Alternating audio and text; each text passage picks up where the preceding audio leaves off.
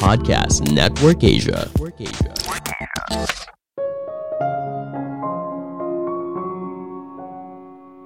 Hidup harus dimulai dari pemikiran yang besar, barulah kamu bisa mencapai hal besar dalam hidup.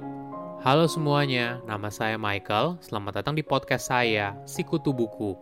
Kali ini saya akan bahas buku Trump, The Art of the Deal, karya Donald J. Trump. Sebelum kita mulai, buat kalian yang mau support podcast ini agar terus berkarya, caranya gampang banget. Kalian cukup klik follow. Dukungan kalian membantu banget supaya kita bisa rutin posting dan bersama-sama belajar di podcast ini. Buku ini membahas bagaimana cara mantan Presiden Amerika Serikat Donald Trump menjalani bisnis dan juga kehidupannya. Sebelum dirinya menjadi Presiden Amerika Serikat, penulis merupakan pengusaha yang sukses kita akan belajar bagaimana penulis bisa berhasil memenangkan sebuah negosiasi bisnis yang besar, termasuk bangunan pencakar langit Trump Tower. Mungkin kamu punya pandangan sendiri terhadap penulis, entah suka atau malah membencinya. Namun di luar dari semua pro dan kontra, kita bisa belajar banyak soal penjualan, menjadi terkenal, dan ilmu negosiasi. Saya merangkumnya menjadi tiga hal penting dari buku ini. Pertama, berani untuk berpikir besar apa yang buat Trump sukses berat? Bukan karena dia bekerja lebih keras daripada semua orang, tapi dia mampu berpikir hal yang besar. Artinya, bukan lagi berapa lama waktu yang kamu habiskan dalam bekerja, tapi apa yang sudah kamu hasilkan. Sebagai contoh, saat Trump masih berusia 30-an, dia menemukan apartemen besar yang sedang dijual. Bangunan itu sangat besar dan berisi 1.200 unit kamar. Bersama dengan ayahnya, mereka menandatangani perjanjian tersebut. Banyak orang mungkin merasa kalau apartemen dengan ribuan kamar pasti sulit dikelola. Namun Trump dan ayahnya punya pandangan yang berbeda. Bagi mereka, kamu butuh energi yang sama besarnya, tidak peduli kamu mengelola apartemen dengan 50 unit atau apartemen dengan ribuan unit. Tapi dengan ribuan unit, kamu bisa menghasilkan lebih banyak uang. Bagi Trump, dia selalu suka untuk berpikir hal besar. Hal ini sebenarnya sederhana, jika kamu ingin berpikir sesuatu, kenapa nggak sekalian saja berpikir hal yang besar? Banyak orang hanya berani berpikir hal-hal kecil saja karena mayoritas orang takut akan kesuksesan, takut membuat keputusan, takut menang, dan hal ini jadi peluang bagi Trump karena dia berbeda. Berpikir besar tidak hanya membantu dalam proses berpikir, tapi juga membantu dalam hal menjual produk yang kamu miliki. Trump sering kali suka menggunakan kata hiperbola seperti terbaik, terbesar, dan kelas dunia ketika bicara soal proyek yang dimilikinya. Strategi ini dilakukan Trump karena dia ingin menyentuh fantasi orang lain. Tidak semua orang berani berpikir hal yang besar, namun mereka tetap bersemangat ketika ada orang seperti Trump yang datang dengan sebuah ide yang besar. Pada dasarnya, di lubuk hati mayoritas orang, mereka ingin percaya sesuatu yang terbesar, termegah, dan terhebat ada pengalaman yang berharga. Di tahun 1980-an, Trump berencana membangun gedung tertinggi di dunia. Dia lalu mengadakan konferensi pers dan menceritakan rencananya dengan detail. Tapi wartawan ternyata tidak terlalu peduli hal tersebut. Ketika Trump menonton liputan medianya, dia hanya mendengar kalau para wartawan bicara soal gedung tertinggi di dunia. Dari situ, beritanya langsung viral di mana-mana dan nama Trump menjadi semakin populer.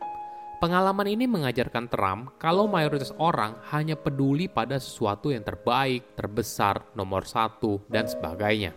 Sederhananya gini, mayoritas orang mungkin tahu siapa astronot pertama yang menginjakan kakinya pertama kali di bulan. Tapi bagaimana dengan orang kedua, orang ketiga, dan sebagainya? Inilah kenapa berpikir besar itu menjadi sangat penting, karena kita menyentuh hasrat terdalam setiap orang.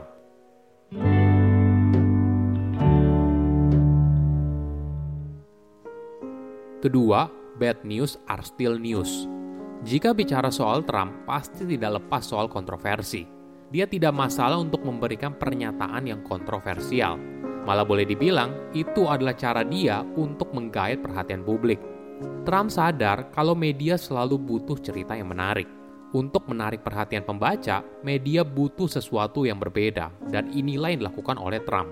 Sebelum membangun Trump Tower, dia harus merobohkan bangunan tuanya, namun di bangunan tersebut ada dua pahatan yang menempel pada dinding bagian luar. Trump punya dua pilihan, Apakah dia harus menyelamatkan dua pahatan itu karena merupakan bagian dari karya seni, atau dihancurkan saja beserta gedungnya untuk menghemat waktu dan uang? Pada akhirnya, Trump memutuskan untuk menghancurkan karya seni tersebut. Banyak media lalu memfonis Trump sebagai pengusaha serakah dan egois yang tidak mementingkan karya seni. Meskipun pada akhirnya dia menyesali keputusan yang dibuat di masa lalu, namun Trump juga belajar hal yang berharga. Walaupun pemberitaannya pada saat itu sangat negatif, namun ada sisi baiknya karena menjadi promosi gratis untuk Trump Tower. Hal ini bisa dilihat dari peningkatan penjualan dari unit apartemennya. Menurut Trump, pemberitaan yang buruk lebih baik daripada tidak ada pemberitaan sama sekali. Singkatnya, kontroversi itu masih menjual. Tentu saja pandangan Trump mungkin tidak cocok bagi kebanyakan orang. Trump tidak takut soal pemberitaan yang buruk karena dia percaya diri kalau bisa mengubah pemikiran orang lain. Dia punya keahlian dalam menjawab hal yang negatif. Misalnya seperti ini. Ketika seorang wartawan bertanya apa dampak negatif dari pembangunan Trump Tower, Trump tidak menjawab apa yang ditanyakan. Dia fokus pada hal positif apa dari proyek tersebut. Misalnya, kenapa warga New York berhak memiliki gedung tertinggi di dunia? Dan bangunan itu akan menjadi kebanggaan bagi warga yang tinggal di sana. Ini pendekatan yang menarik. Ketika orang ditanya hal yang negatif, kebanyakan orang langsung bersikap defensif. Namun Trump mengambil pendekatan yang berbeda. Dia tidak berusaha meluruskan atau membalasnya, tapi mengarahkan pembicaraan ke hal yang diinginkan.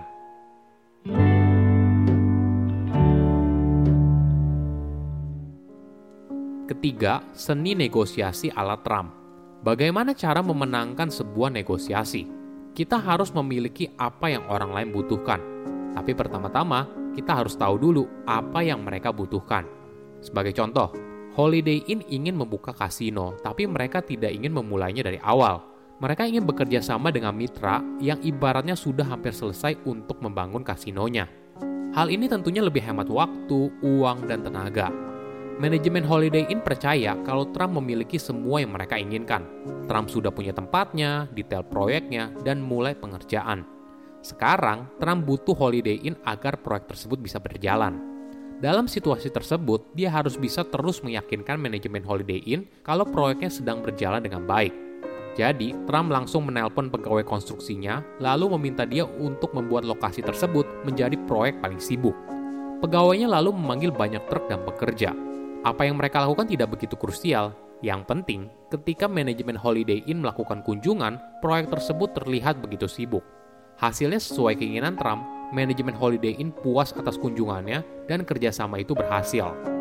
Trump juga menjelaskan tips lain dalam negosiasi. Ketika melakukan negosiasi, pertama bicara apa keunggulan kamu, lalu tekankan soal kelemahan orang lain.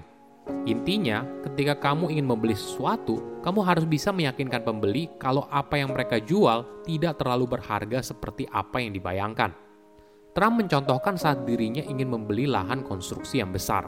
Pertama dia banyak bercerita kepada si pembeli kalau dirinya sudah berpengalaman melakukan jual beli dan akan membantu untuk mengurus semua perizinannya yang rumit. Hal ini membuat si pemilik tanah jadi percaya kalau Trump adalah pengusaha yang hebat. Lalu dia mulai berbicara hal negatif mulai dari kondisi ekonomi yang sedang buruk, permintaan soal properti yang sedang menurun, dan sebagainya. Hal ini jadi membuat si pemilik tanah merasa harga yang ditawarkan oleh Trump menjadi masuk akal.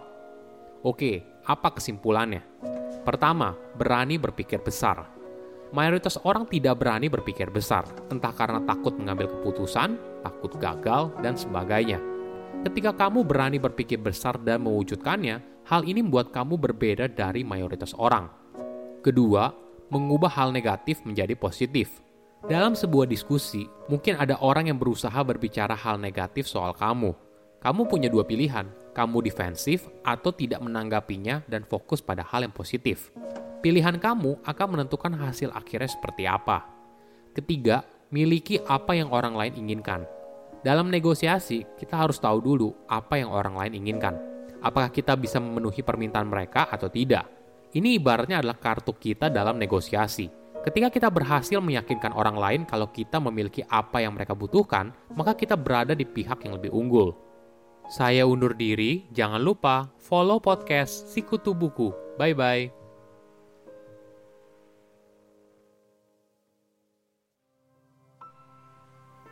Pandangan dan opini yang disampaikan oleh kreator podcast, host, dan tamu tidak mencerminkan kebijakan resmi dan bagian dari podcast Network Asia. Setiap konten yang disampaikan mereka di dalam podcast adalah opini mereka sendiri dan tidak bermaksud untuk merugikan agama, grup etnik, perkumpulan, organisasi, perusahaan, perorangan, atau siapa pun dan apa pun.